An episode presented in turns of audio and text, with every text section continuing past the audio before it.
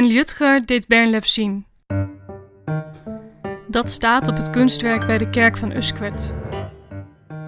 Lang geleden kreeg Usquert bezoek van de bekende missionaris Ljutger. Het was zijn taak de inwoners te bekeren tot het christendom.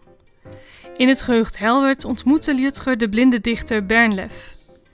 Bernlef vroeg aan Ljutger: Als uw God zo machtig is, toon mij dan een teken. Daarop legde Ljutger zijn hand op Bernlefs oogleden.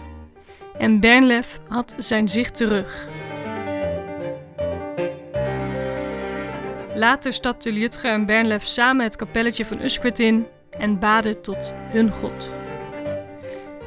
Dit soort wonderlijke verhalen en overleveringen zorgden ervoor dat het christendom voet aan de grond kreeg in Groningen.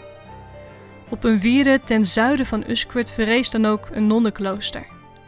Het klooster werd Bethlehem genoemd. Het leven van de nonnen was niet gemakkelijk, eenzaam.